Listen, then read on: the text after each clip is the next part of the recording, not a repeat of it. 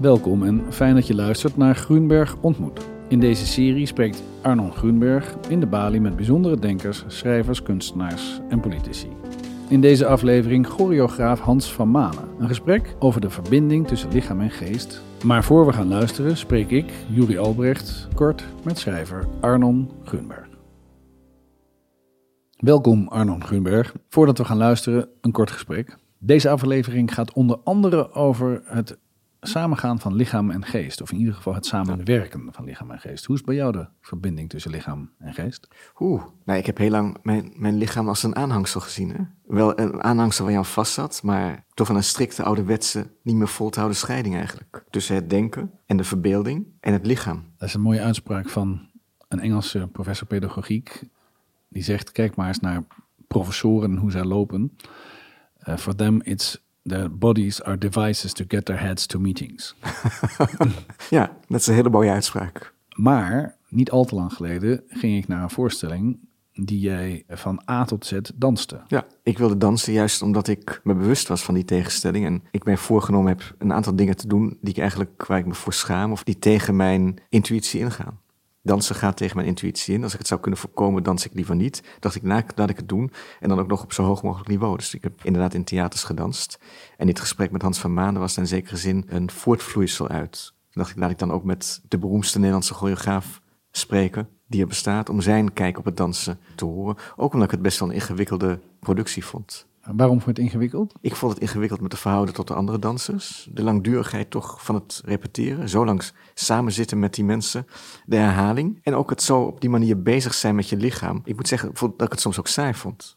Niet zozeer de voorstellingen dansen, want dan heb je weer de adrenaline en het publiek. En dan moet het in één uur moet je dat doen. Maar gewoon daar van tien tot vijf in zo'n repetitielokaal zijn. Dat had, ik, dat had ik al heel lang niet meegemaakt. En meestal waren mijn embedded projecten kort, waren maximaal drie weken. En nu zat ik opeens twee maanden vast. Dat vond ik wel ingewikkeld. En ik denk toch dat ik het ook ingewikkeld vond dat ik... Uh, ik moest een lichaam worden. Ja.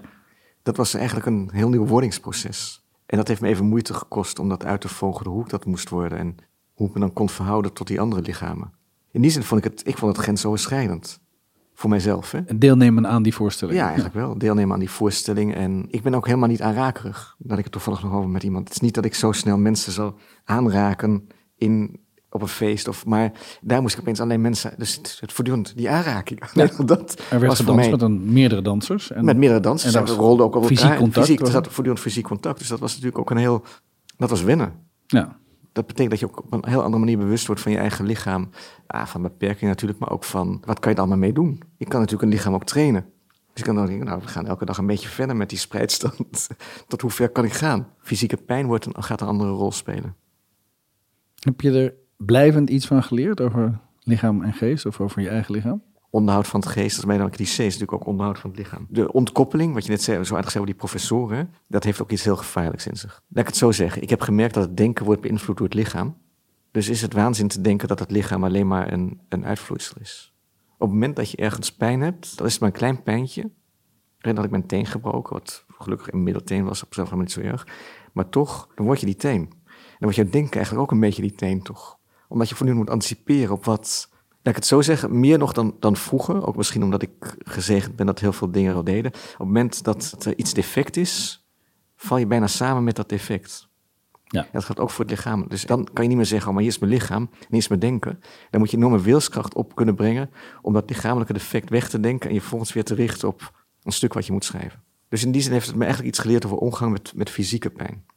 Waar ik denk ik niet zo heel goed in was. Ik denk andere soorten pijn vond ik makkelijk. Kijk, rouw of dat soort dingen kan je wegdenken. Kan je met denken te lijf. Hè? Dat, is geen, dat doet niet echt pijn in een schouder. Of, maar fysieke pijn is, en vind ik een heel andere sensatie dan mentale pijn of verdriet. Het verschil tussen pijn en verdriet. Misschien is dat iets waar ik iets over heb geleerd. Dus gelukkig brak je je teen tijdens deze voorstellingsreeks.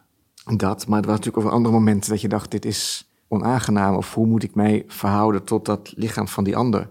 In een situatie die niet erotisch is, maar die wel naakt is. Wat, wat doen wij hier? Vinden wij dit eigenlijk wel prettig? Ja. Het was grensoverschrijdend, want ongemakkelijk hè, voor jou. Uh, schaamtevol? Ja, maar het gekke is op het moment dat je de afspraak hebt, het publiek komt binnen en zij gaan naar mij kijken, valt die schaamte ook weg. Maar dan denk je, ja, jullie komen naar me kijken, maar eigenlijk heb ik de macht. Het is toch een beetje hetzelfde gevoel wat ik heb als ik in de Bali-gesprek voor het publiek kom binnen. Je bent zenuwachtig. Maar je denkt ook, jullie zijn het wilde beest. En ik krijg jullie er wel onder. En misschien juist doordat ik wel vaak op podium heb gestaan, dacht ik, of ik nu ga dansen of praten. Ik ken jullie het wilde beest dat het publiek is. En voor mij is het publiek een wild beest. En daarmee zeg ik ook niets nieuws. Ik weet wel hoe ik jullie moet temmen. Die illusie had ik toen ook nog wel. Ook omdat het natuurlijk een soort afspraak is. Ik denk dat, dat dansen op een feest zou ik nog... vind ik een heel ander soort onveiligheid en beschamend iets... dan dansen op het moment dat je de bescherming hebt van de afspraak van... hier is het publiek en hier zijn wij, de performers. Ja, de conventie van De conventie, theater. de conventie biedt een enorme bescherming. ja. Gaan luisteren naar je gesprek met Hans van Manen. Dankjewel.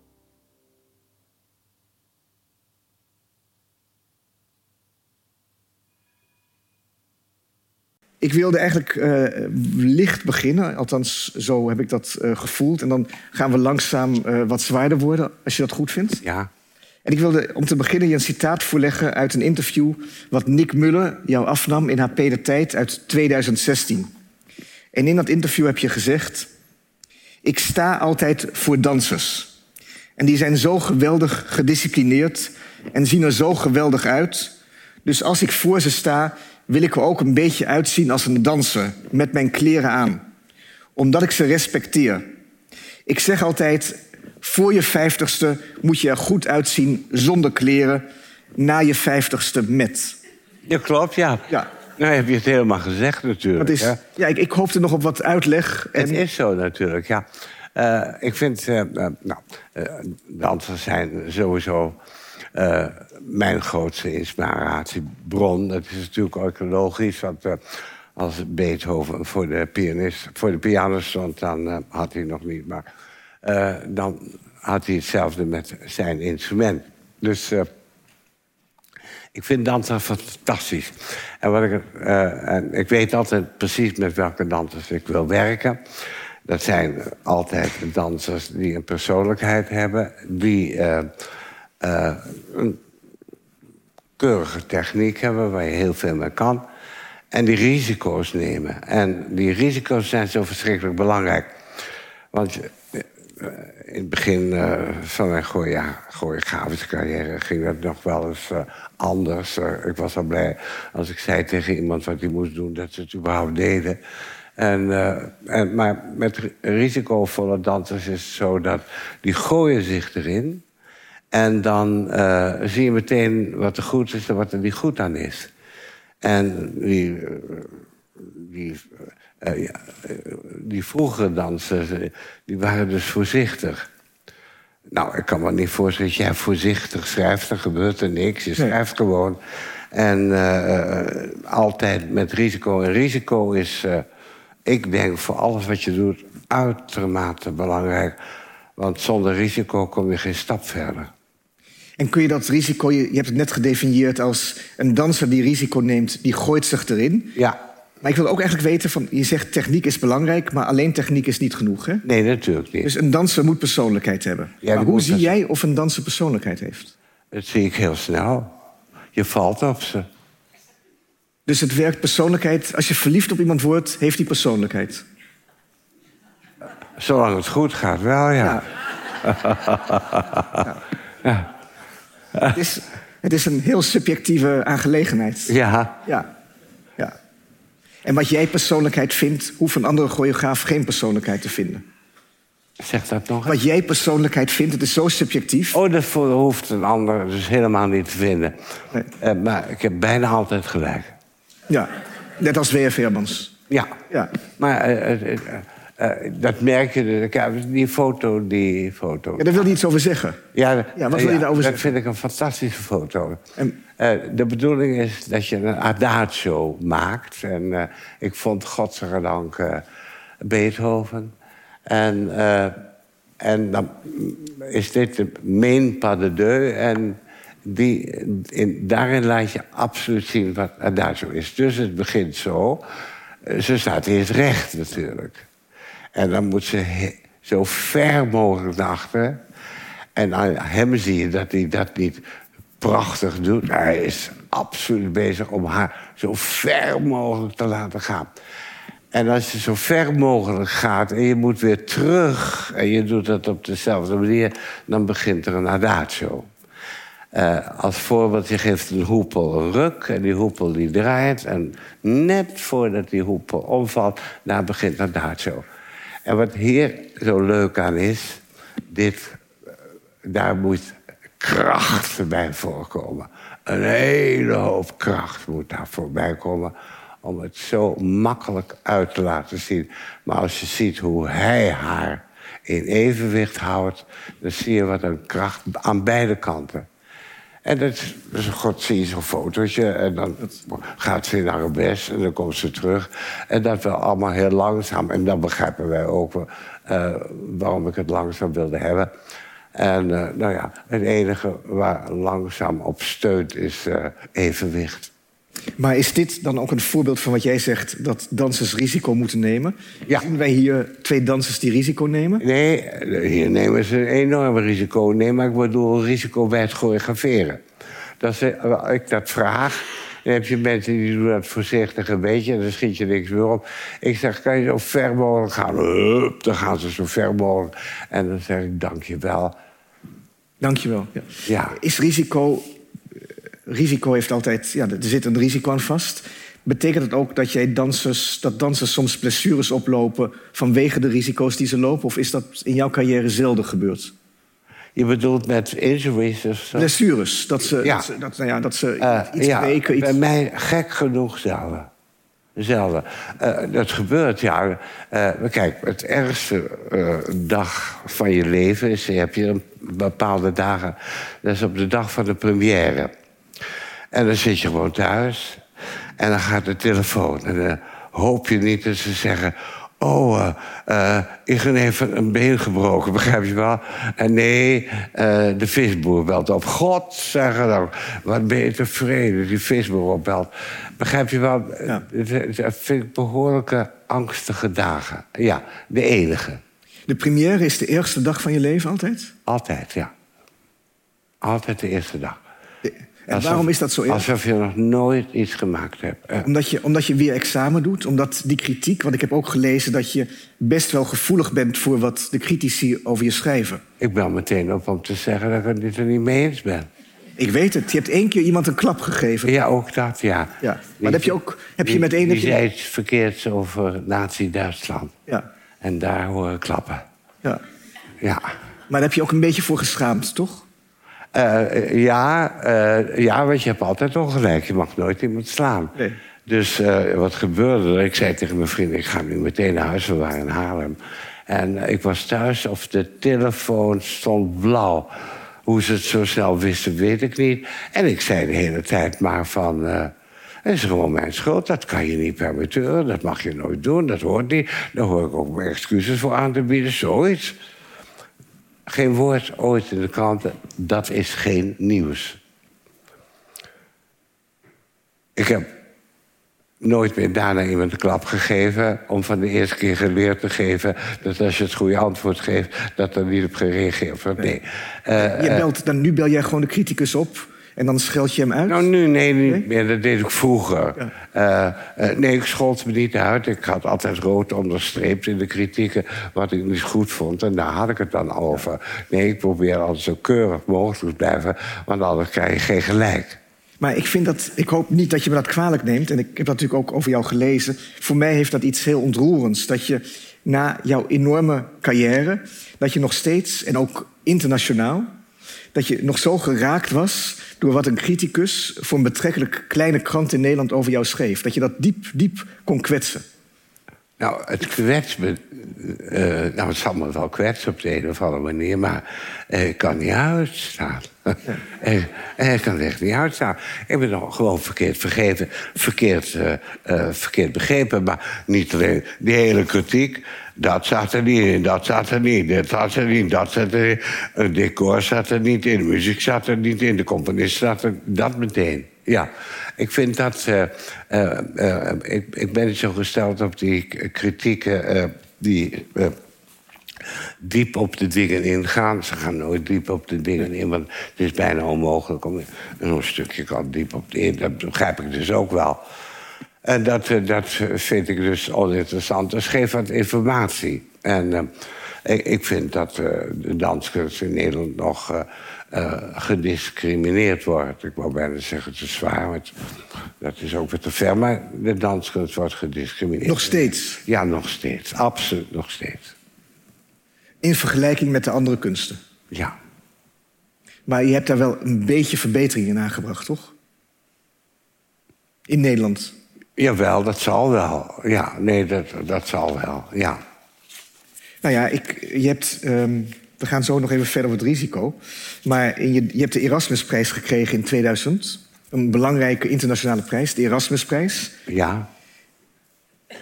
En in jouw dankwoord bij de Erasmusprijs, die heb je zelf geschreven, dat dankwoord, hè, of niet? Uh, die hadden andere twee vrienden van mij okay. geschreven. Maar het zijn, je staat er volledig achter?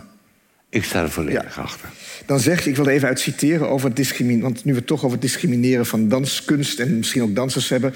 Toen zei je, toen je die prijs krijgt, die trouwens dit jaar krijgt de Israëlische schrijver David Grossman hem, zeg je: Een traditie op het gebied van de danskunst hadden we in Nederland niet.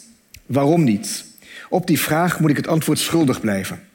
Het kan met alles te maken hebben gehad. Misschien speelde u, speelde als u me toestaat, mijn eerste cliché te debiteren, onze Calvinistische inslag een rol en vond men de dans te galant, te bloot, te elitair.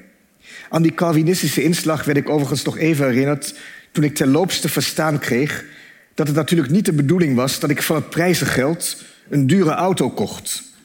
Wat ik jammer vind, want ik weet zeker dat ik in een dure auto enorm veel inspiratie zou hebben opgedaan.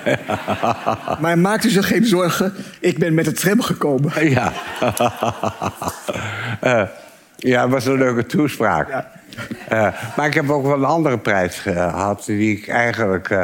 Even voor, voor, over die auto en het geld, wat ik ook interessant vind. Oké, okay, ja. Maar toch even, waarom vergeleken met andere landen had Nederland echt zo'n achterstand als het gaat om de danskunst? En Absoluut, nog. Nog? Nog. Ik zeg maar een voorbeeld. Uh, ik zit met de minister van Cultuur op het eerste rij op het balkon. En we kijken naar uh, Zwanemeer, die helemaal opnieuw gedaan wordt. Die was vijf jaar niet gedaan. Dus die wordt helemaal fantastisch ingestudeerd. In die vijf jaar zijn de dansers nog, uh, net bij de Olympische Spelen, uh, enorm beter geworden. En een fabuleuze voorstelling. En zij zegt tegen mij: de kritieken zullen morgen wel heel fantastisch zijn. Ik zeg tegen, nee, er komen geen kritieken. Er komen geen kritieken. Nee, er komen geen kritieken. Daar zijn ze 25 jaar geleden. Er wordt in Nederland alleen maar kritiek geleverd. Bij de eerste voorstelling en dan nooit meer. Dus ze hadden bij, het, uh, dat, bij de Zwanemeer 25 jaar geleden kritisch gestuurd. En daar bleef het dus ook bij. En wat is in die 25 jaar gebeurd? Uh, zijn fabuleus beter geworden. Je weet niet wat je ziet. En uh, zelfs ik ben soms verbaasd. En in het buitenland is het zo dat uh, Royal Ballet, American Ballet Theater of, Parijse Opera. En dan is er weer een nieuwe danseres ingezet voor de Zwanebeer. En daar gaan we allemaal naar kijken. Want we hopen allemaal dat dat een ster wordt natuurlijk. En dan hopen we allemaal, dit is de eerste voorstel van haar... dat we over tien jaar gelijk hebben. En, goede reden om er zo over na te denken. Dus er wordt aandacht aan besteed. Dan is er een tweede en een derde kaas. En er wordt ook aandacht aan besteed. Betekent niet dat je weer zulke kritiek hoeft te schrijven voor het zware weer. Nee, een klein stukje is genoeg. En die gaat dan over de danseres. En daar kunnen ze iets over zeggen en vertellen. Dat gebeurt bij ons absoluut niet. Als ik uh, een première heb gehad en dan zie ik de eerste en de tweede voorstelling. En dan uh, denk ik, wacht even, dan ga ik naar de zesde. En wat ik in de zesde zie... Nou, dat had ik me toen ik het maakte niet eens voor kunnen stellen... dat het zo fantastisch gedaan wordt. En dat is, dat is dus reuze interessant om dat te zien. Dat doen critici nooit. Uh, uh, ik verbaas me erover dat bij iedere negende van Beethoven weer een kritiek. En in 25 jaar bij, dan, bij het Nationaal Ballet met het Zwanemeer één kritiek. Nou, dat is het verschil. Dat vind ik behoorlijk discriminerend. Daarmee, Dat is duidelijk. da- daarmee doe je een kunst geen plezier. En die kunst is de afgelopen jaren op hoog niveau. Niet alleen maar bij de klassieke ballet, ook in de moderne danskunst. Alhoewel, ik vind dat het woord modern verboden moet worden. Heden, ik zou zeggen, hedendaagse choreografie. Ook even, choreografen. even, ik ga je even onderbreken, want ik ben nu toch heel benieuwd. En dan komen we toch nog weer even straks terug bij de kritiek. Maar waarom moet het woord modern verboden worden? Waarom Waarom moet het woord modern verboden worden? Eh, eh, ik vind je. Gaan dus. eh, nou mensen weer allemaal. Uh, van nou, dat, een moderne dans, zo stel ik op. Ik weet zeker dat het modern wordt. Ja, ik begrijp niet waarom dat gezegd moet worden. Want ik vind, je gaat naar een dansvoorstelling... en ik vind die choreografen van vandaag, die allemaal modern... die horen gewoon bij uh, Balanchine en, uh, en Petit Pas en uh, William Forsythe. Die horen gewoon bij al die choreografen... Uh, 300 jaar oud, die allemaal fantastische werken hebben geschapen. En daar horen ze bij. En door dat woord modern wordt die danskunst ook alleen maar blijkbaar gezien als modern. En ik verzeker je erbij, er zijn een hele hoop verschrikkelijke slechte choreografieën bij. En die heten dan ook nog modern. En Even, daarmee kunnen zij in ieder geval doorgaan. Ja. Ja. Het klinkt nu bijna dat je zegt... eh, modern is een excuus om een slechtere choreografie... niet slecht te laten lijken. Zeg het nog eens. Het, het klinkt nu bijna alsof je zegt... modern is een excuus om een slechte choreografie... niet slecht te laten lijken. Juist, dat vind Juist, ik ook. ja. Eh, ga jij ooit naar een modern concert of een moderne... ga je naar mo- moderne kunst kijken? Nooit, je gaat naar nieuwe kunst kijken... toch niet naar moderne kunst. En dat modern vind ik een excuus geworden. Eh, daar kan je alles in onderbrengen.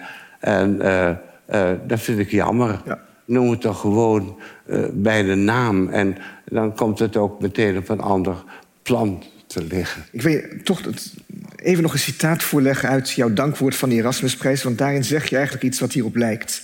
Je zegt daarin: nieuw, nieuw, nieuw, dat leidt tot elitekunst.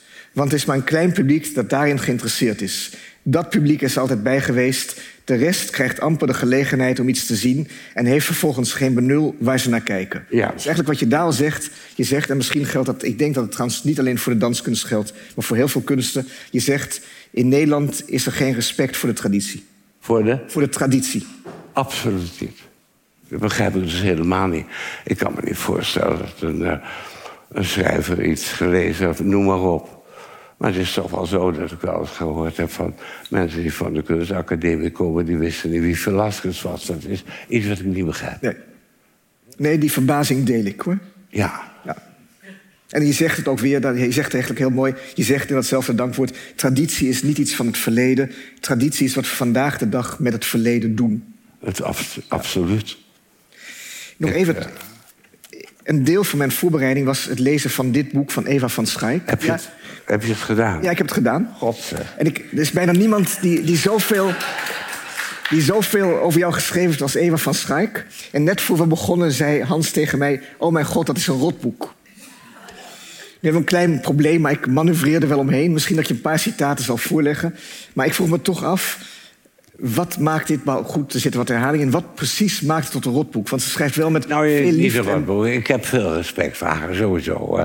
zij was critica en heeft ze altijd hele fantastische dingen meegeschreven. En ze heeft zich blijkbaar buiten eh, eh, eh, bemoeid, buiten mij om.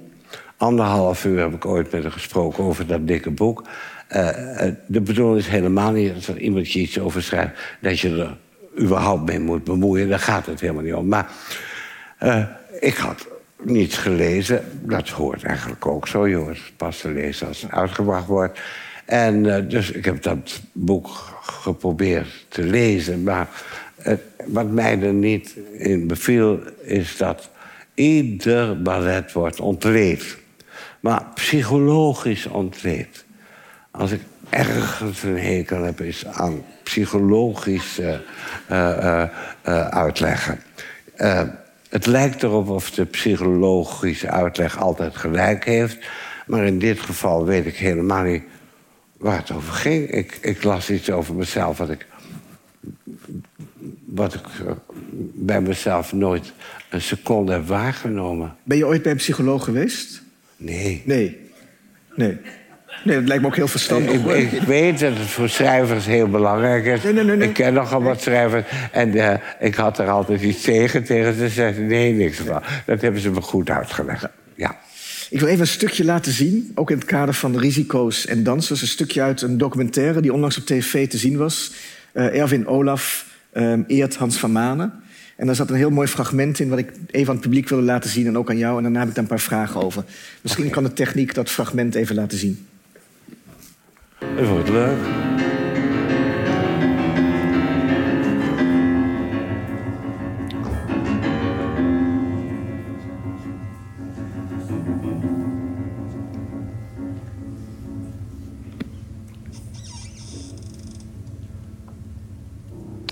Vaak.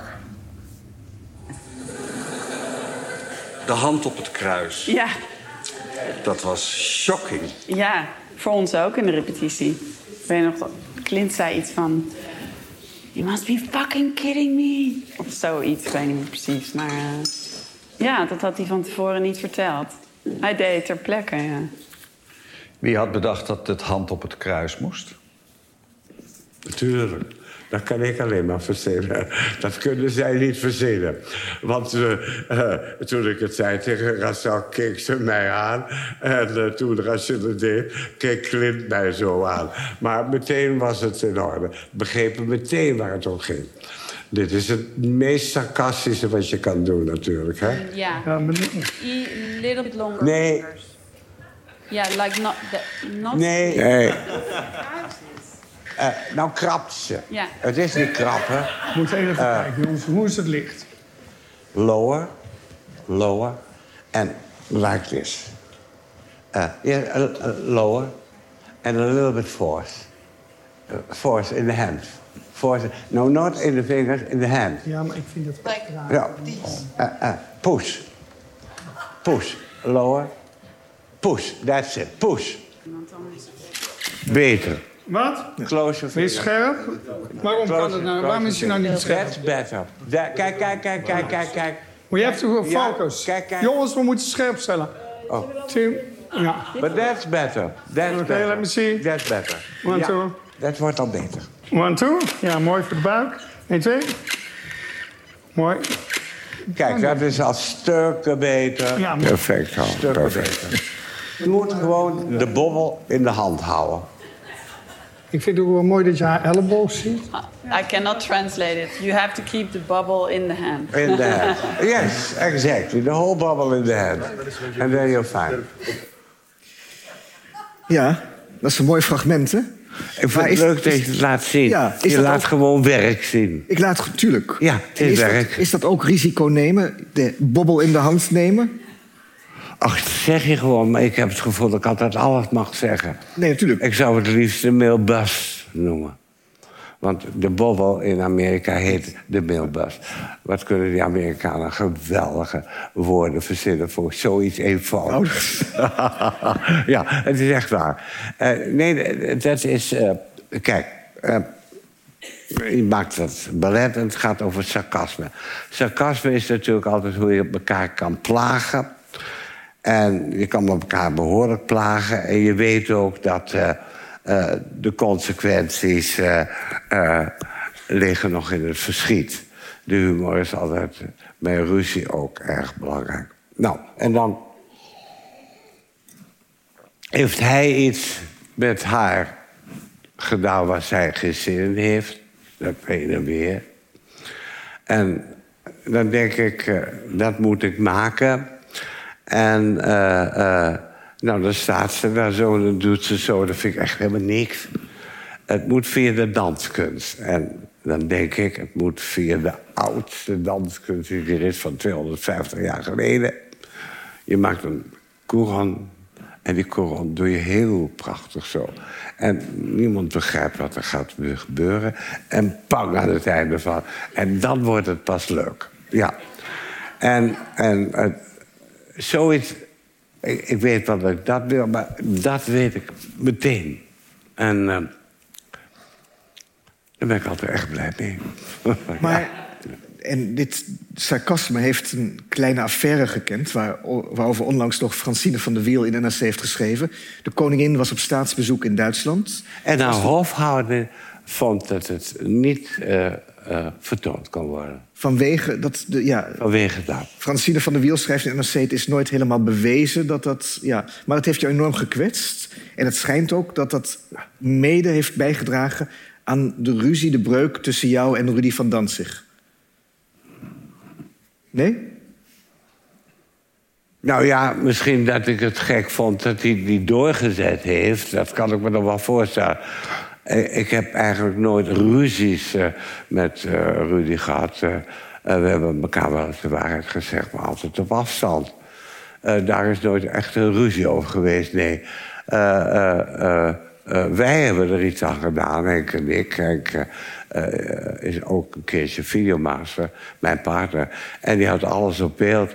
Nou, sarcasme had hij totaal op beeld. We hebben meteen een prachtige eh, eh, dvd gemaakt. En die hebben we aan Beatrix gestuurd. En heeft ze daarop gereageerd? Natuurlijk niet. Maar ze altijd even aardig en. Ja, want je mag, dat vind ik nu we toch over het Konink's, Koninklijk Huis hebben... ik wilde je dit citaat toch ook nog even voorleggen. Omdat, zoals bekend, je was vrij close met Beatrix. Maar in dat interview waar ik al eerder uit citeerde van Nick Muller... zeg je over Maxima... ze hoeft niet altijd naast die man te staan. Ze mag ook wel eens alleen naar een première komen. Ze is meer dan ze nu is. Het moet wat losser. Alle koningshuizen hadden vroeger scheid aan alles. Al die vrouwen hadden ook gewoon een eigen leven... Ze gingen uiteindelijk wel onder de guillotine, daar niet van. Maar ze hadden wel een eigen leven. Was ik pittig? Je was pittig, hè? Ja. Ja, ja wel een pittig. Maar nou, daar kan ik een antwoord op geven. Eh, een half jaar later werd ik ook uitgenodigd. Ik had een prijs gekregen. Ik weet niet precies welke prijs. Maar er waren zo'n honderd man in Nederland... die ook prijzen hadden gekregen. Loodgieter, klompenmaker. Of mensen die... het, eh, eh, allemaal leuke mensen die ergens de prijs van hadden gekregen. En, en er waren vier tafels, maar dat was wat later. Eh, we kwamen dus binnen en daar stonden we dus met z'n allen. Toen moesten we een rij vormen in een cirkel. En ik moest de laatste zijn. Dus ik dacht, ben zeker de laatste dat ik belangrijk ben of zo. Nee, dat was niet het geval. Dus ze kwamen binnen en stelden zich aan iedereen voor. En toen ze er bijna waren, zeiden ze tegen mij... Wij komen! dus hebben we een mooi antwoord gegeven erop. Hè? Ja. en toen waren ze zo inderdaad gekomen. Ja, Dat, dat pleit wel voor ze. ja. Ja, zeker. Ehm, toch nog één, één- één, twee vraagjes over, over Rudy van Danzig. Ik weet dat je niet van, van dit boek heel erg houdt. Maar ik vond het toch een mooi citaat wat ik je wilde voorleggen. En misschien, ehm, het is niet heel psychologiserend. Eva van Schaik schrijft Rudy, Rudy van Danzig dus... wilde in zijn domineeschap niet de slippen dragen van de bourgeoisie zijn. Hans wilde in zijn leraarschap wat graag zijn slippen door de bourgeoisie laten dragen. De door Hans bepleite en door Rudy met argwaan ontvangen bouw van een nieuw, nieuw muziektheater werd tenslotte de pleitswam in een zo zwaar op proef gestelde collega, collega, collega, collega, collega, collega, collega, collega, collega, Ik heb het niet gelezen. ik kom er niet uit. Ik heb het nog nooit Ik meegemaakt. heb het voor de, gehoord voor de eerste keer. Collegialiteit. En ik weet nog niet wat ze bedoelt. Nee, misschien kom ik, struikel ik daarom tot, tot zes keer toe op het woord collega, collegialiteit. Ja. ja. Maar je weet, dit, dit is absoluut niet wat... wat jij, jij herkent je hier totaal niet in. Ik wat? Jij herkent je hier totaal niet in. Totaal niet. Eh, eh, helemaal niet, nee.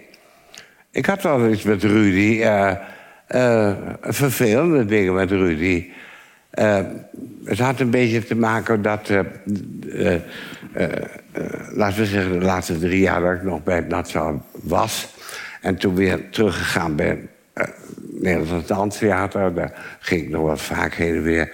Dat heeft er veel goeds opgebracht. Daar hadden ze weer slappe schoentjes, daar hadden ze weer spitsen, daar doe je iets heel wat daar. Nou, dat soort dingen. En ik moest eh, de avond doen van ehm, Amsterdam Culturele Oosten. Misschien moet je me even voorstellen wie jou af en toe souffleert. dat is dus Henk van Dijk, Henk. mijn 50-jarige partner. Jouw 50-jarige partner. Ja, ja. ja. En er was iets tussen Rudy en mij. En hij zat in, eh, bij de Parijse Opera, maakte daar een ballet. En het ging totaal mis in de repetitietijden. Er zitten 24 man in dat ballet dat ik gemaakt heb... op muziek van Louis Andriessen. En eh, dat was heel belangrijk voor mij. Andriessen was heel belangrijk voor mij. En het was een fanfare-orkest. Dus niet wat je in het concertgebouw hoort... maar voor ve- twee fanfaregroepen geschreven. Dat vond ik zo'n fantastische muziek. En ik dacht, dan kan ik dus... eh, eh, wat je in Amerika ziet... eh, het einde van de, van de examens... wat die dus kunnen op zo'n stadionplein. En daar had ik een beetje aan gedacht en dat wilde ik maken. Maar dat vergt veel tijd. En dan had ik bijvoorbeeld alleen maar maandags... eh, een half uur, donderdag drie kwartier... en zaterdag een kwartier. En dat was heel erg gek. En dat vond ik niet leuk. En, eh, nou ja, er is natuurlijk daardoor een hele hoop gebeurd. Maar toen dacht ik, nu terug naar danstheater. Ja. En dat was mijn ding met Rudy. Ja. Ik wil er niet te ver op ingaan, want... eh, die dingen waar je, waar je mee op ingaat... die zijn alleen maar interessant voor eh, eh, privé of zoiets, weet je wel. Dus, eh, maar daar zat ze knauw tussen ons, ja. En dat had een beetje te maken met... alles wat ik maakte was de laatste jaren erg succesvol. En het ergste was wat, wat Toer en hij maakten... was geen succes. En ook boergroep, waar ik een enorme hekel aan heb. Ook mijn tegenstanders, boer, heb ik een enorme hekel aan. Daar hoort nooit een te nieuwe boer geroepen, vind ik. Weet je wel. Na één keer iets zien, na één keer iets lezen, na één keer iets horen... eh, is niet genoeg. Is niet genoeg. is niet genoeg één keer. Nee, absoluut niet genoeg. Eh, ze vragen zich wel eens af... eh, over kunst wordt zoveel afgevraagd. Er wordt er helemaal krankzinnig van. Eh, en eh, wat je allemaal schijnbaar moet weten of zo. En dan vind ik... eh, zitten 2000 man in het concertgebouw. wel Uitverkocht. En die...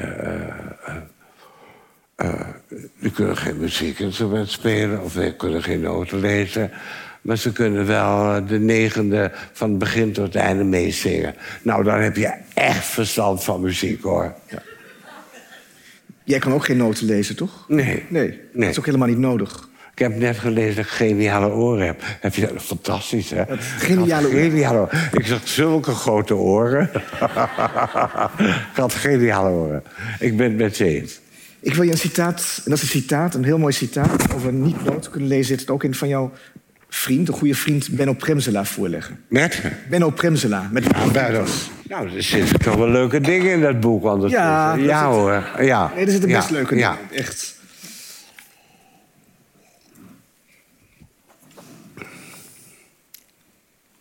Even kijken. Nee, het is opleiding. Het komt hier. Dat zegt Benno. Premsela zegt over jou... Hans heeft het ordinaire, basale volkse instinct... van een Amsterdamse jongen zonder opleiding... die iets buitengewoon goed kan... en uitermate nieuwsgierig is... naar de andere kant van de sociale scheidslijn. Dat vond ik een heel mooi, mooi citaat. En misschien Ja, kan ook iets zeggen over wie maar Benno veel- Premsela is geweest in jouw leven. Want hij heeft een belangrijke rol gespeeld in jouw leven. Een buitengewoon belangrijke rol. Benno, nog wel meer mensen, die zou ik direct ook wel noemen, maar Benno, een buitengewoon belangrijke rol, ja. ja. Even kijken hoe ik dat ga zeggen. Eh, eh, ik viel altijd op mensen. Nee, ik viel juist. Ja, hoe moet ik dat? Ik viel op mensen die op mij vielen, maar ik viel niet op hun. En daar bedoel ik seksueel mee. Maar ik, ik, eh, ik vond het zo jammer om daardoor afgewezen te worden. dat, eh, want ik vond die mensen zo fantastisch. Je begrijpt wel, weet je, als een beetje je best wil en jij doet het niet, en uh, houd dat op. Hè? Maar ik vond dat ontzettend jammer. Dat gebeurde dus niet, maar dat het daardoor niet mocht ophouden. En dat ben dan. Wat bedoel je precies? Je vond het jammer dat, dat jij je niet aangetrokken voelde tot mensen die jou wilden. Ik voelde me niet seksueel aangetrokken, dus, maar ik vond het fantastische mensen. En ik was bijna bang, ik was bijna bang omdat ik niet met ze de bed ging om ze kwijt te raken. En dat lukte mij om ze niet kwijt te raken. En, en Maar wat vond je dan? Vond je het belangrijk om begeerd te worden? Of vond je om begeerd te worden? Vond je die begeerte belangrijk? Of was het... Nee, ik vond die mensen zo belangrijk. En ik vond zulke leuke mensen. En die leuke en dat belangrijke, dat wilde ik niet kwijtraken. Dus eh, dat zijn mentoren voor mij geworden. Wat ik geleerd heb van, eh, van Benno is erg veel. Als Benno nog leeft, dan zou hij zeggen... ik heb van Hans net zoveel geleerd. En dat zal ook wel waar zijn. Maar de Riek Zwart, Jean-Paul Vroom... eh, weet je wel, eh, eh, een hele hoop leven, mensen in mijn leven. En dat was niet altijd. gelijk aan het eerste verhaal wat ik je nu vertel. Want er zijn ook vrouwen bij natuurlijk. En dus Riekje Zwart, dat was ook een geweldige eh, eh, gallery house. eh, en die leer- leerde ik meteen kennen in... eh, 65. eh, Toen had ze een gallery op de Keizersgracht. Dus ik kwam binnen en daar hing Ad Dekkers. Wist ik veel wie Ad Dekkers was. En Ad Dekkers nooit gezien had. Maar ik vond het wel mooi en interessant. En zij had mij binnen vijf minuten omgepraat. En ik kocht er een. En toen dacht ik, dat is een leuke vrouw. Maar even voor de duidelijkheid, en dat bedoel ik absoluut ook niet... eh, misschien is het wat te expliciet, maar je zegt eigenlijk dat je soms... met mensen naar bed bent geweest... om de vriendschap die je met hen had te behouden. Ik ben er juist nooit mee naar bed. Nooit? Nooit. Helemaal nooit juist. Nooit? Nooit. Oké, dat heb je verkeerd begrepen. Nee, en ik was zo bang dat ik ze daardoor zou verliezen, maar helemaal niet. wat goed. Dat waren allemaal hele goede en leuke, intelli- intelligente mensen. En die konden mij dus blijkbaar waarderen. En dat deden ze ook. En van hun heb ik altijd veel geleerd. Ik leer altijd het meeste van je vrienden, toch? Als het goed is wel. Ik herinner me van jou een stukje. Jij vond eh, eh, eh, een, een, stuk van een Russische componist... die erg veel gedraaid werd. noem er een op voor mij. Oh, dat is het. Nee, dat is al te chic. Een- Hè? Nou, een, een Russische componist eh, die pianoconcerten worden zoveel gedaan. Doet niet de zaken. Juist. Rachmaninoff. En ik las ooit van je, eh, je zat bij een vriend... en jij begreep maar niet waarom jij dat niet mooi mocht vinden. Je hebt een heel goed geheugen, ja. Het, Ja. Soms herinnert je dingen die ik mezelf amper herinner, ja. Ja, ik heb echt een goed geheugen. Eh, ik vergeet alle namen, daarom heb ik Henk altijd nodig. En als hij er is... eh, en eh, dat kon ik zo goed begrijpen. Want... ik vind het eigenlijk niet zo'n goed stuk, maar je gaat er iedere keer aan onderdoor. En we hebben vele vo- voorbeelden waar je altijd onderdoor gaat.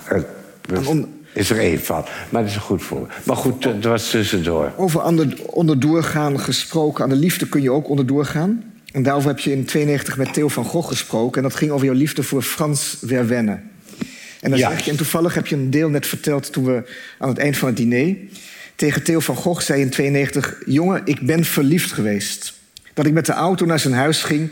en tot zes uur s morgens naar het verlichte raam keek. Niet bellen, uitgesloten, uitgesloten... want dan deed hij het daar met een ander. En dan kon ik het daarna wel helemaal vergeten. Nu had ik tenminste nog één keer in de drie weken vergeefse hoop. Liefdesverdriet is hetzelfde als een heroïneverslaving. Je hebt mensen die komen er wel overheen, anderen niet. Ik ben drie keer met hart en ziel voor de bijl gegaan. Ik hoop nu echt dat ik het nooit meer word, Het is wel makkelijk zo. Het is mooi geweest. Heb je dat volgehouden? Dat was 92. En, en hoe, hoe, je bent, ik bedoel, je wekt de indruk toch een redelijk nuchter iemand te zijn, of een beheerst iemand. Ja. Het feit dat je zo'n criticus één keer slaat is een uitzondering. Wat, wat moet er met jou zijn gebeurd dat je in je auto voor de deur van je liefdesobject blijft zitten, terwijl je weet dat hij daarboven Verslaafd, is gewoon verslaafd. verslaafd? Een verslaving is het ergste wat er is, ja. Eh, nou, afgewezen worden in de liefde, dan weet je dat je verslaafd bent. Hè? Eh, nou, dat is blijkbaar net zo erg als heroïne of zoiets dergelijks. Hè? Ik wil niet zeggen constant, maar wel een hele tijd. Eh, eh, je denkt altijd aan iedere verslaving dat je die goed kan maken. En voor verslavingen zijn er zulke dikke boeken met verontschuldigingen ook. Dus dat is allemaal wel zo. En die gelden ook voor. eh, dus als je vrienden zeggen, dan moet je vanaf. En diezelfde vrienden zeggen, als je dan eindelijk vanaf. Heb ik je toch altijd gezegd, weet wel. Ja, die- dus die weten alles van verslaving af. Maar jij zit met de verslaving. En gelukkig is het een verslaving waar je zomaar plotseling van het ene op het andere moment vanaf. Eén moment vanaf. Het heeft heel lang geduurd. Lul die je was, weet je wel. Inderdaad. Maar het gekke is, als je er vanaf bent, dan is één moment ben je er vanaf. Ja.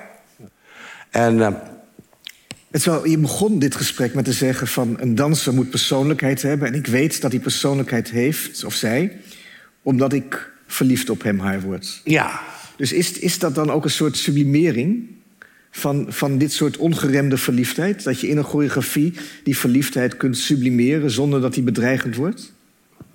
Of ga ik nu te veel Oh, psychologiseren? nee, die wordt absoluut nooit bedreigend. Helemaal nooit. Nee, ik bedoel, ik ben op al die dansers eh, eh, eh, professioneel verliefd. kan je zeggen. Nou, ik vind ze echt fantastisch. En als je choreografeert met dat soort mensen, je hebt oogcontacten. In dat oogcontact zit een eh, enorme. eh, eh, je hoeft geen zorgen te maken. Ja, dat begrijpen van elkaar dat we op de goede weg zijn. Ik, ik vind het al ongelooflijk dat je sowieso met iemand op de goede weg kan zijn. En dat je dat van elkaar begrijpt. En dat begrijp je in die choreografieën. Ik ben erg afhankelijk van eh, mensen. Als choreograaf, als mens.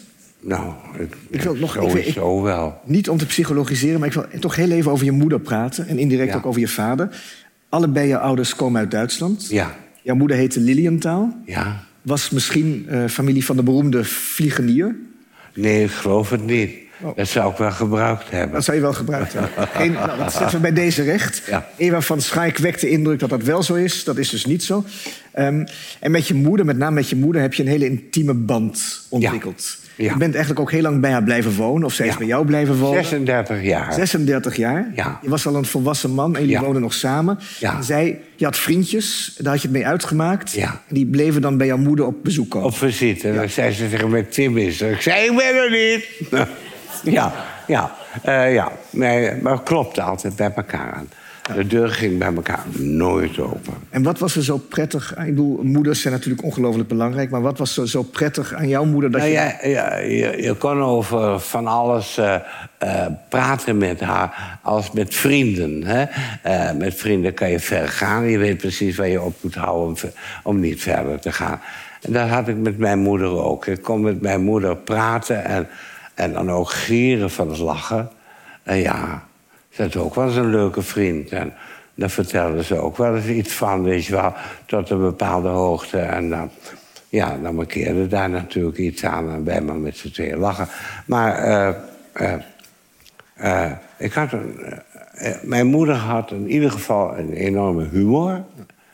En daar kan je dus heel lang en goed mee leven, met humor. Ook in de ruzies. En het ergste van de ruzies met haar waren dat zij kreeg een slappe lach. En dan was, ik verkocht, dan kon ik niks meer. Niets, alles. begon alleen maar... Maar een echte slappe lach, een echte. Weet je wel? Een, eh, helemaal een echte slappe lach. En dan kreeg ik toch uiteindelijk ook de slappe lach.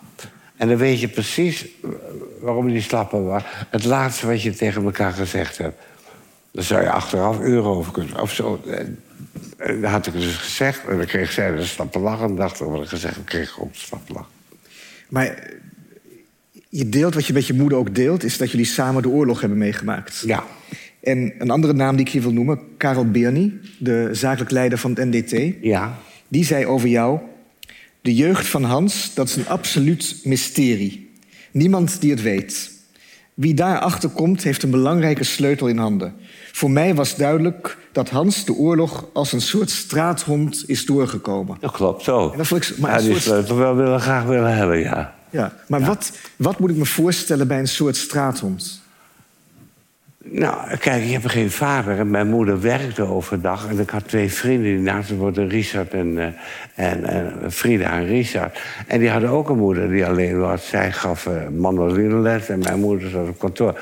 En wij met z'n drieën eh, waren eh, eh, vooral de laatste jaren van de oorlog... toen de scholen dichtgingen, eh, zeer verbonden. Eh, ook in het kattenkwaad. Maar het kattenkwaad zorgde er wel voor dat we het hoe dan ook voor elkaar kregen... om in hele smalle kelderramen naar binnen gaan... om aardappels te stelen bij de Adva bijvoorbeeld... of kooltjes te zoeken in het Vondelpark... of een biels van Rietlanden te slepen naar ons huis... of de, eh, hoe heet het, de blokjes uit de tramberails te halen... Dat was allemaal de hongerwinter waar je nu over Ja, echt een hongerwinner. En we, we hadden echt helemaal niks. Echt niks, niks. Minder dan... Nee, dat zeg ik niet. Eh, erg weinig was er. Ja, een oorlog. En het gekke was dat die oorlog heeft zich in Amsterdam eigenlijk nooit afgespeeld. Behalve met die honderdduizend Joden... waar Amsterdam geen ene moer aan gedaan heeft. Maar voor de rest was er geen oorlog. En het ergste was, dat wist je ook niet. Dat hangt er vanaf waar je zat en hoe je was. Maar ik was een kind, dus ik kon daar niet te ver op ingaan. Na de oorlog ben ik ongelooflijk ver op ingegaan. Dat kan ook wel niet anders als je vriend uh, Benno Pumsela is, bij wijze van spreken. Dus daar heb ik ook veel van geleerd. Maar die oorlog was... Uh, wij speelden... Om acht uur was, mocht je niet meer op straat. Wij speelden gewoon op straat. Uh, als je vraagt naar mij, was de oorlog in Amsterdam nou... een paar soldaten zag je af en toe lopen naar de hoeren in de Marnixstraat. Of een auto die langskwam. Dat, was maar jij heel lang hebt gewoond met je moeder. hè? Te, ja. jij, hebt, jij woonde tegenover de Schouwburg, toch? Uh, nee, naast. Naast, naast de Schouwburg, naast, tegenover de Lamar. Ja, ja. Ja, uh, ja dat was de oorlog, weet je wel. Dus ik begrijp heel goed wat er met die oorlog aan de hand is geweest... Maar ik heb die oorlog op die manier nooit meegemaakt. Ik heb dat vooral na de oorlog allemaal beseft. Maar ja, de oorlog was afgelopen toen ik 12 was, 13. En toen moest ik opnieuw weer de vijfde klas van de lagere school doen. Terwijl ik die vijfde klas heel aardig doorgekomen was. En ik dacht opnieuw, tijd. Nee, dat wilde ik dus absoluut niet. En toen, uh, ja, mijn moeder begreep altijd wel dat dansen, dat is het enige wat ik leuk vond. Die had een vriendin, die werkte bij Michels, de, hoe heet het, de, uh, de, de belangrijkste... Uh, kapper. ja, toneelkapper die er was. En nou, daar ben ik dus gaan werken. En dat heb ik vijf jaar gedaan. En dat vond ik heel fantastisch. Want uh, ik wilde absoluut niet bij amateurgezelschappen. Dus ik werd gestuurd naar uh, Comedia of Amsterdam Toneel. En dat, dat vond ik interessant. Dus ik ken al die acteurs van die tijd ook allemaal. En dat was eigenlijk de weg voor jou om danser te worden? En ja, toen, moest toen was ik 18 jaar en toen had uh, de ballet van, het ballet van Gaskell gezien. En ik dacht, dat moet het worden. Uh, nu op je 18 jaar is dat onmogelijk, maar toen nog wel. En ik ging dus... Michels zag in mij een hele goede toneelkapper. Dat was ik ook. en ik zei tegen hem, ik ga dansen. En hij zei tegen me, dat dacht ik wel. Heb ik altijd geweten. En hoe doe je dat dan? Ik zei, nou, met mijn moeder heb ik dat afgesproken en we zien wel. En toen zei hij, nou weet je wat je doet? Werk maar één avond in de week. En dan hou je een salaris. Dat was mijn eerste uh, subsidiegever. Ik moet zeggen, er zijn natuurlijk vele redenen waarom men jou zou kunnen benijden. Maar ik was een beetje jaloers op jou toen ik las. Ik heb een middelbare school niet afgemaakt, maar jij hebt mij overtroffen. Je hebt zelfs je lagere school niet afgemaakt. Nee. Nee, dat vind ik echt een... Dus ik dacht, het, het kan altijd nog beter. Ik wil even toch nu weer, weer terug um, naar de dans zelf. En wel een mooie opmerking die onlangs um, Francine van der Wiel optekende in NRC. Je zegt daar, of zij zegt, en ze citeert jou... Van Manen ergert zich vaak aan de missers die hij ziet. Niet alleen in verhalende klassieke balletten. En dan citeert ze, citeert ze jou... Je loopt niet met je reet naar de koningin van het stuk... maar ook in hedendaagse choreografieën. Reden waarom hij een deel van zijn nalatenschap wil reserveren... voor een balletregieopleiding. Hoe die precies moet worden ingericht, laat hij aan anderen over. Het belangrijkste is dat er tenminste over wordt nagedacht. En dan zeg jij, al was het maar over hoe je naar een stoel loopt. Ja. Hoe loop je naar een stoel? Uh, verkeerd of goed. En uh, nou, dat had ik met Iska. Uh, vroeg me nog wat voor dingen. En iedereen denkt, een choreografie. Is, Iska Meijer? Uh, Iska Meijer. Ja, daar hebben we helemaal niet choreografie voor gemaakt. Maar goed, dan vroeg hij mij iets en dan zei hij... ja, ik ga dit en dit en dat doen. En uh, waren we ergens, uh, een soort toneel, zo erg helemaal alleen. En uh, zei ik... nou ja, ik moet hier naar binnen, moet ik daar naartoe. En dan zei ik, laat me dat eens zien.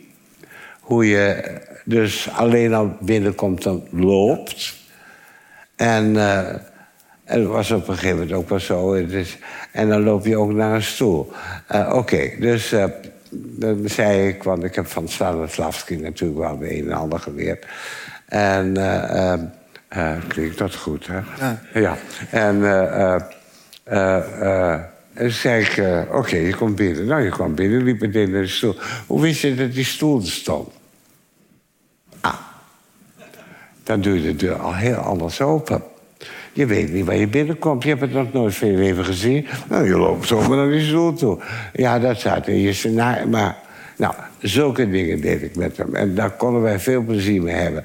Hij wou in travestie. En uh, oké, okay, uh, travestie. En wat doe je? Uh, nou, ik zie wat ik aandoen. En kousen. Ook zeg kousen. Dan gaan kousen aandoen.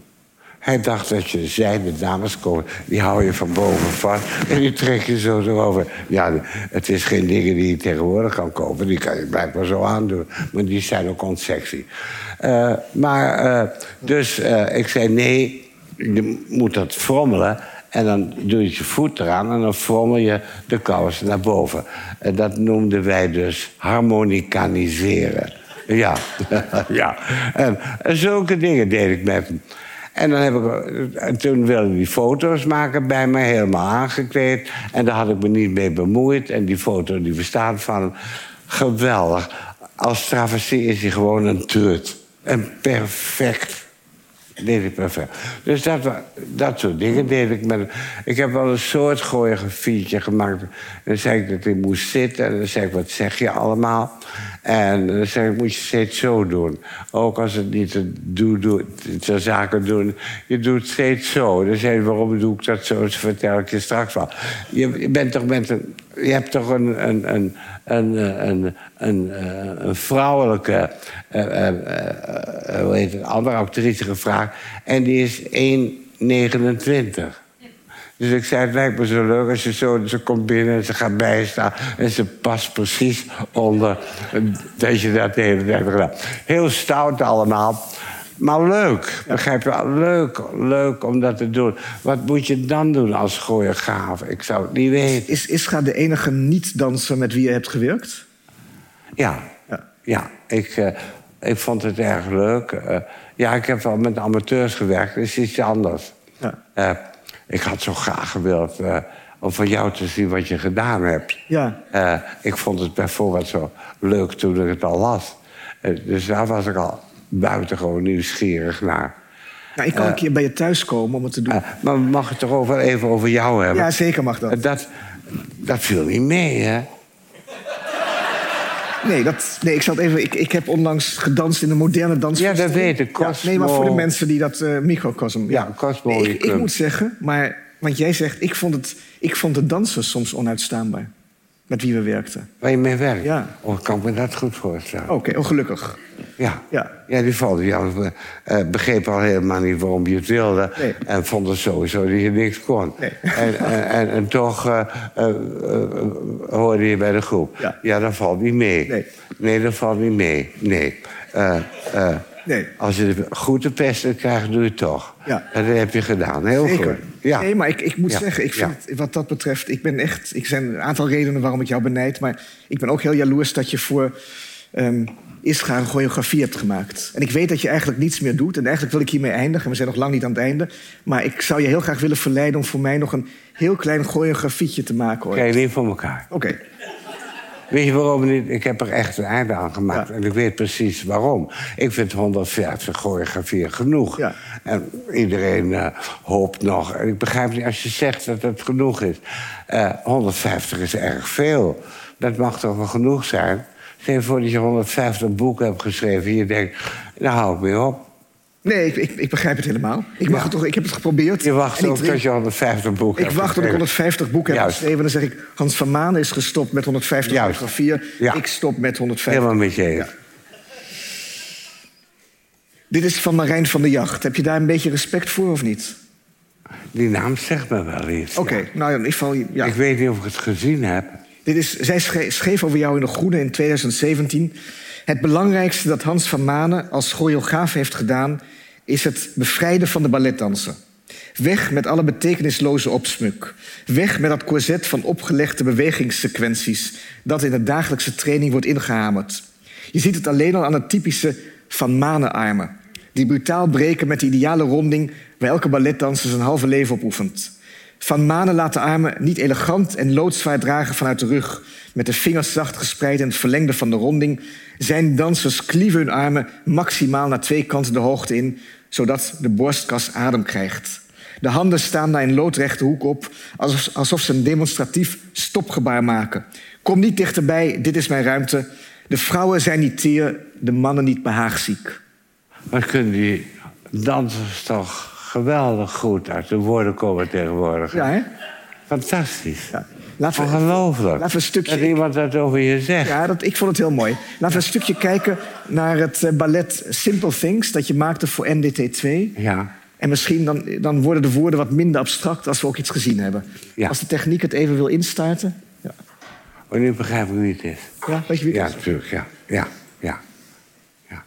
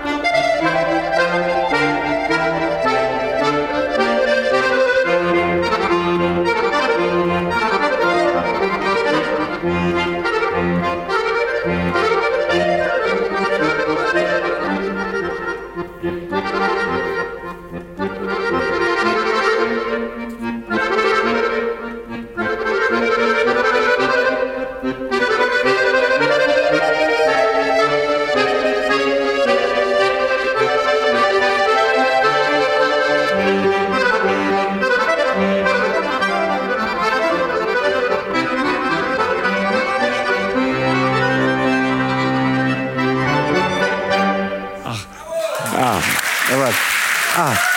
Ja. ja. En wat dansen is fantastisch.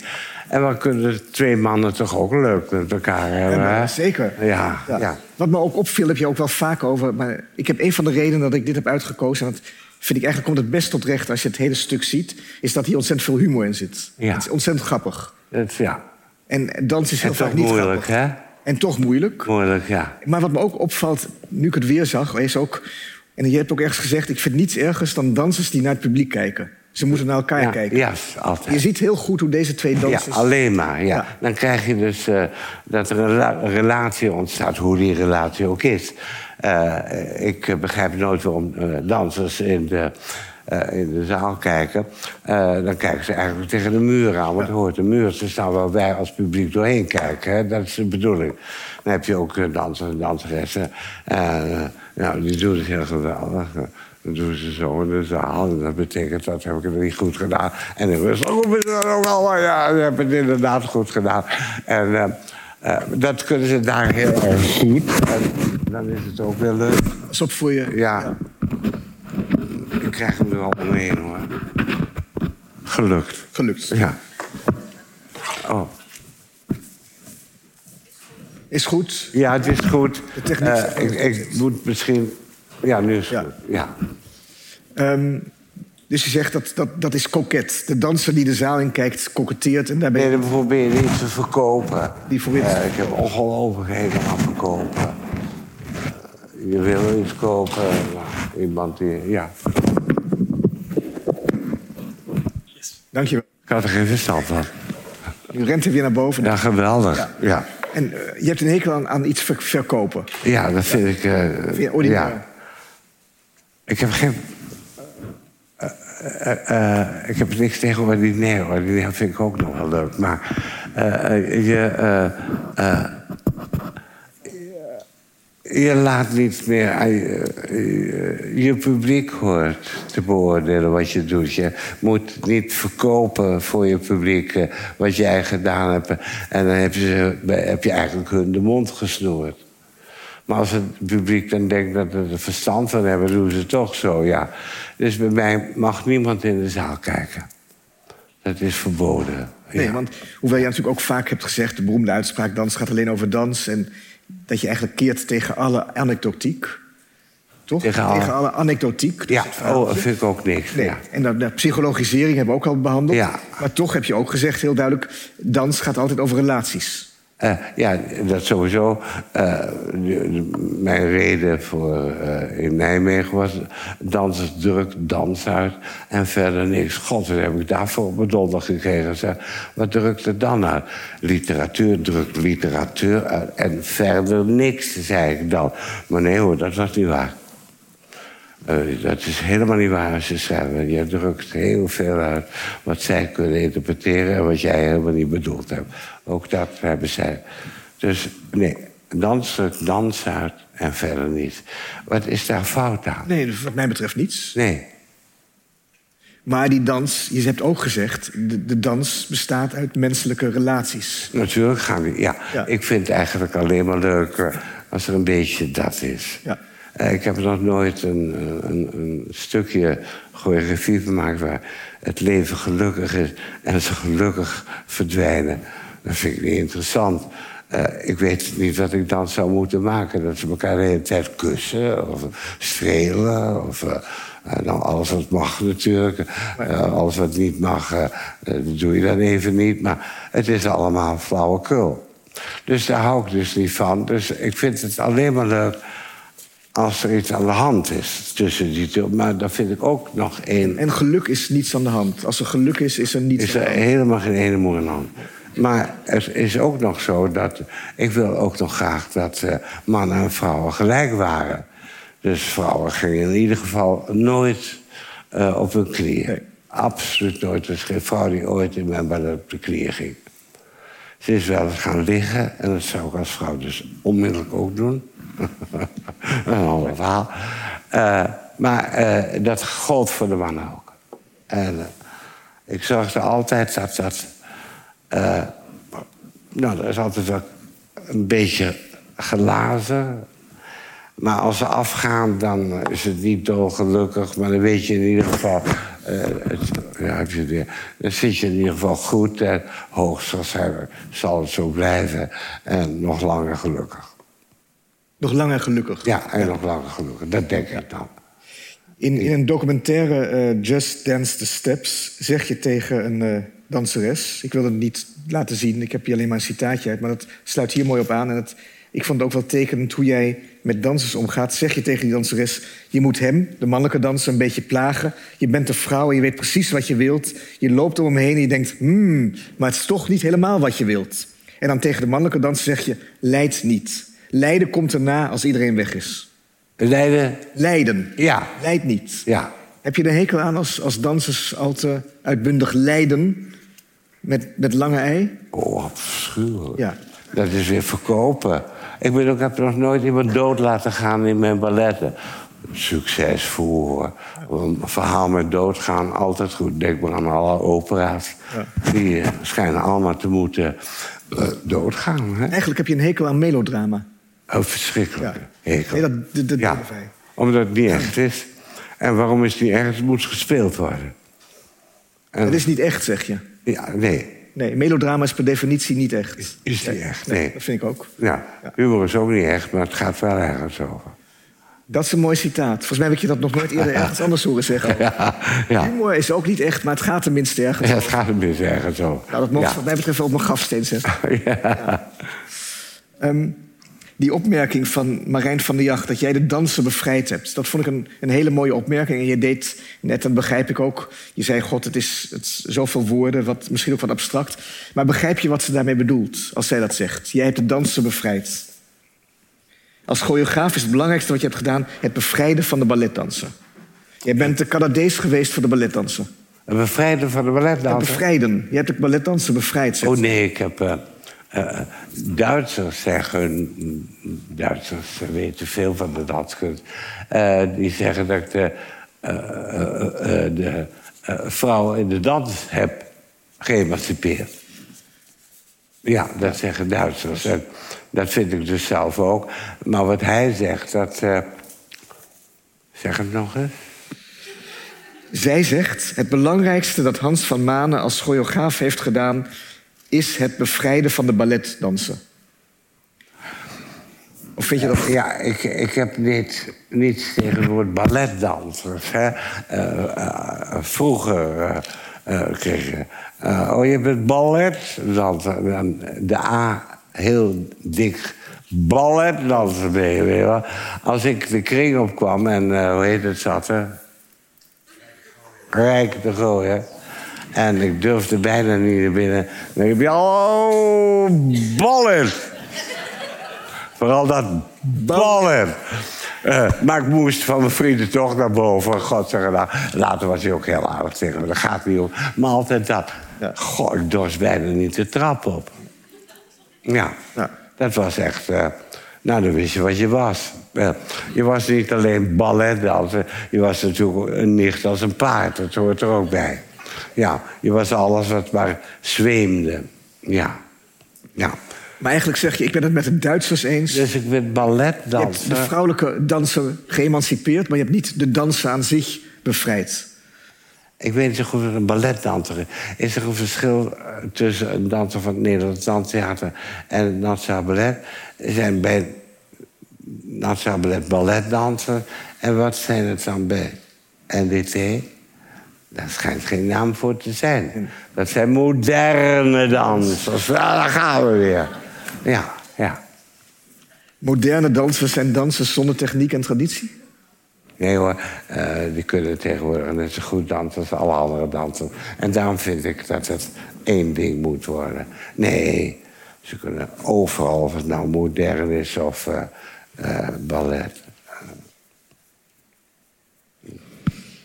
Ik wil, voor ik het woord geef aan het publiek, ehm, ook nog heel even over jouw werk als fotograaf praten. En onder andere viel het me op, en daardoor was ik getroffen, want ik heb hem ook kort gekend. Jij hebt leren afdrukken en ontwikkelen van Paul Blanca. Ja. Hij leeft niet meer. Leeft niet meer. Een moeilijke man. Is een half jaar geleden Ja. gestorven. Hoe kan je iets over Paul Blanca vertellen en jouw verhouding met hem? Nou, eh, eh, we hebben elkaar ontmoet omdat ik mensen fotografeerde.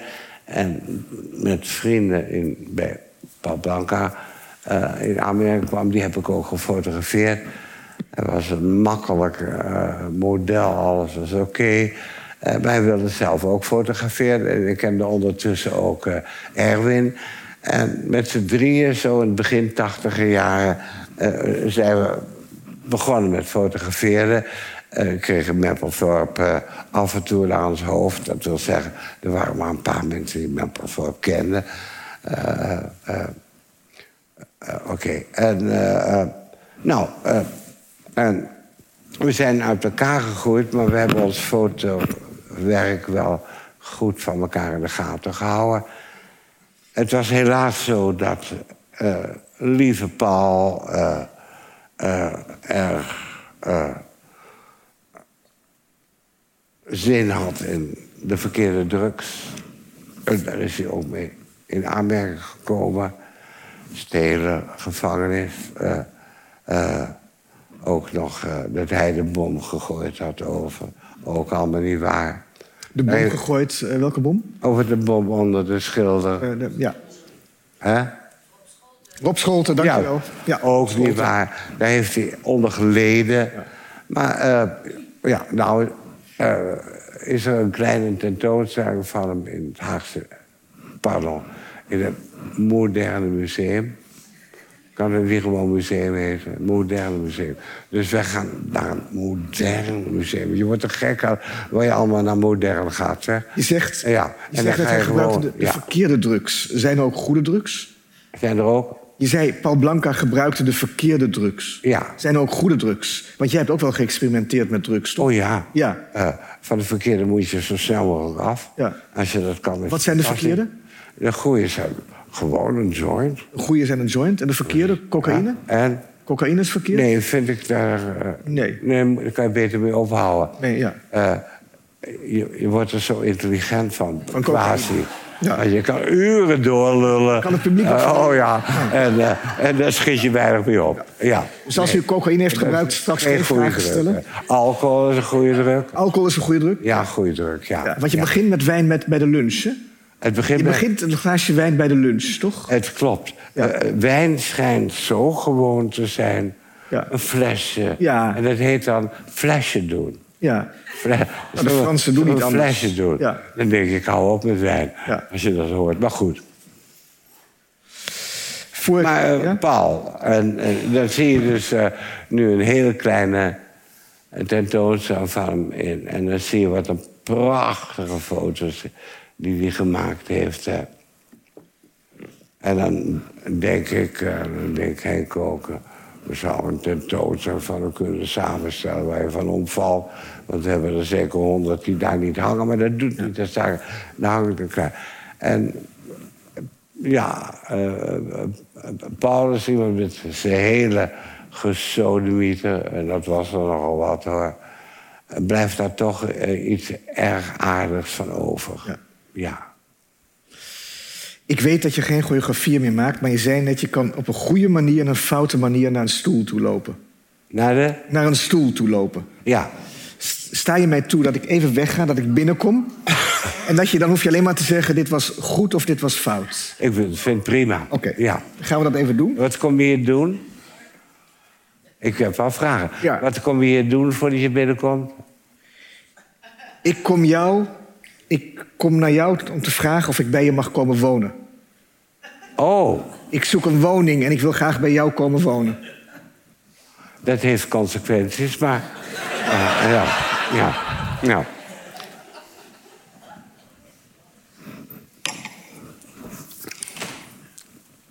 Dat is leuk, hè?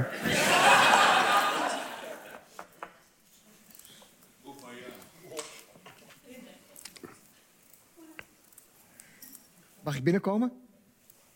Ja. Eh, eh, wie ben je? Ik ben Arnon. Ja. We hadden een afspraak. Oh ja? Ja, dat dacht ik wel. Eh, nou, het zal wel. Ik vergeet wel meer dingen.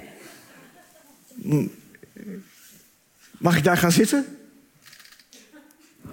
Van mij wel.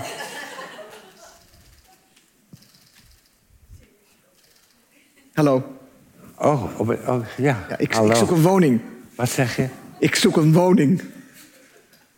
Oh, en daarvoor kom je bij mij? Ja. Ah. Oké. Eh. Ja, we zullen het... Wel, het is wel leuk om met Ja, je te ja, spelen. ja, je bent binnengekomen. We zijn klaar, hè? Ja. Eh, nou, ik, eh, ik vond het gespeelde... eh, nee, ik vond het binnen... Ik vond alles erg gespeeld. En waarom? Omdat... eh,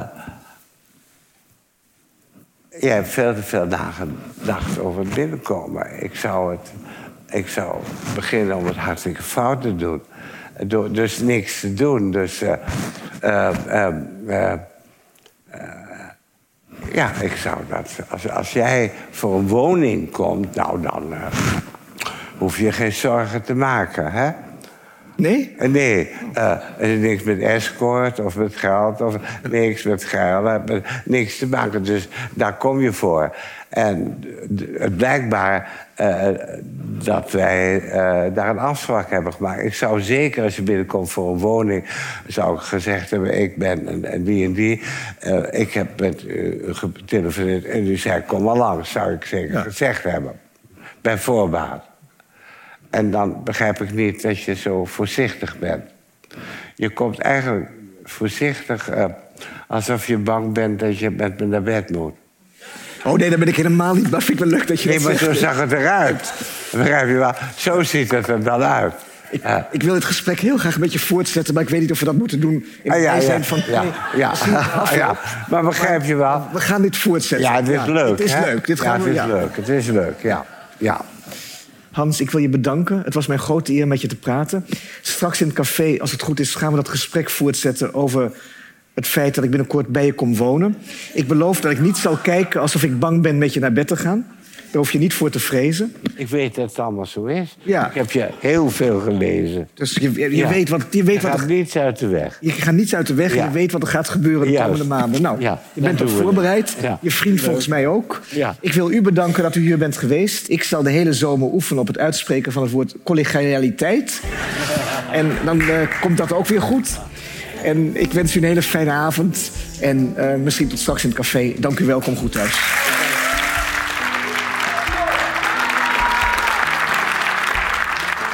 Bedankt voor het luisteren naar Arnon Grunberg ontmoet vanuit de Bali. Wil je er nou een keer zelf bij zijn bij zo'n gesprek van Arnon Grunberg? Schrijf je dan vooral in voor onze nieuwsbrief of volg ons op de socials, zodat je als eerste hoort wanneer het weer zover is. Dit was voorlopig de laatste aflevering, maar binnenkort zijn we weer bij u terug met nieuwe afleveringen van de serie Arnon Grunberg ontmoet vanuit de Bali in Amsterdam.